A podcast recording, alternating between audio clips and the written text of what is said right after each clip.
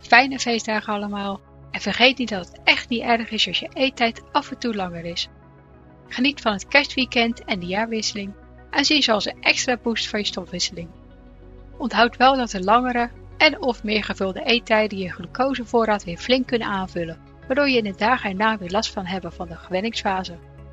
In afleveringen 7, 9 en 14 geef ik tips en informatie voor dit soort dagen, dus die kan je altijd nog even terugluisteren als je ergens tegenaan loopt. Ik houd voor nu even een korte kerstvakantie en daarna ga ik over op twee afleveringen per maand in plaats van vier, zodat ik meer tijd heb om aan de kwaliteit te werken. Ik besteed gewoon zoveel tijd aan het uitzoeken van alles, dat ik bijna geen tijd overhoud om de afleveringen in te spreken. En ik vind dat te veel ten koste van de geluidskwaliteit gaan. Op 8 januari komt daarom pas de volgende aflevering. De daaropvolgende 22e, dan 5 februari, enzovoort. Voor nu wens ik jullie hele fijne kerstdagen en alvast een gelukkig nieuwjaar.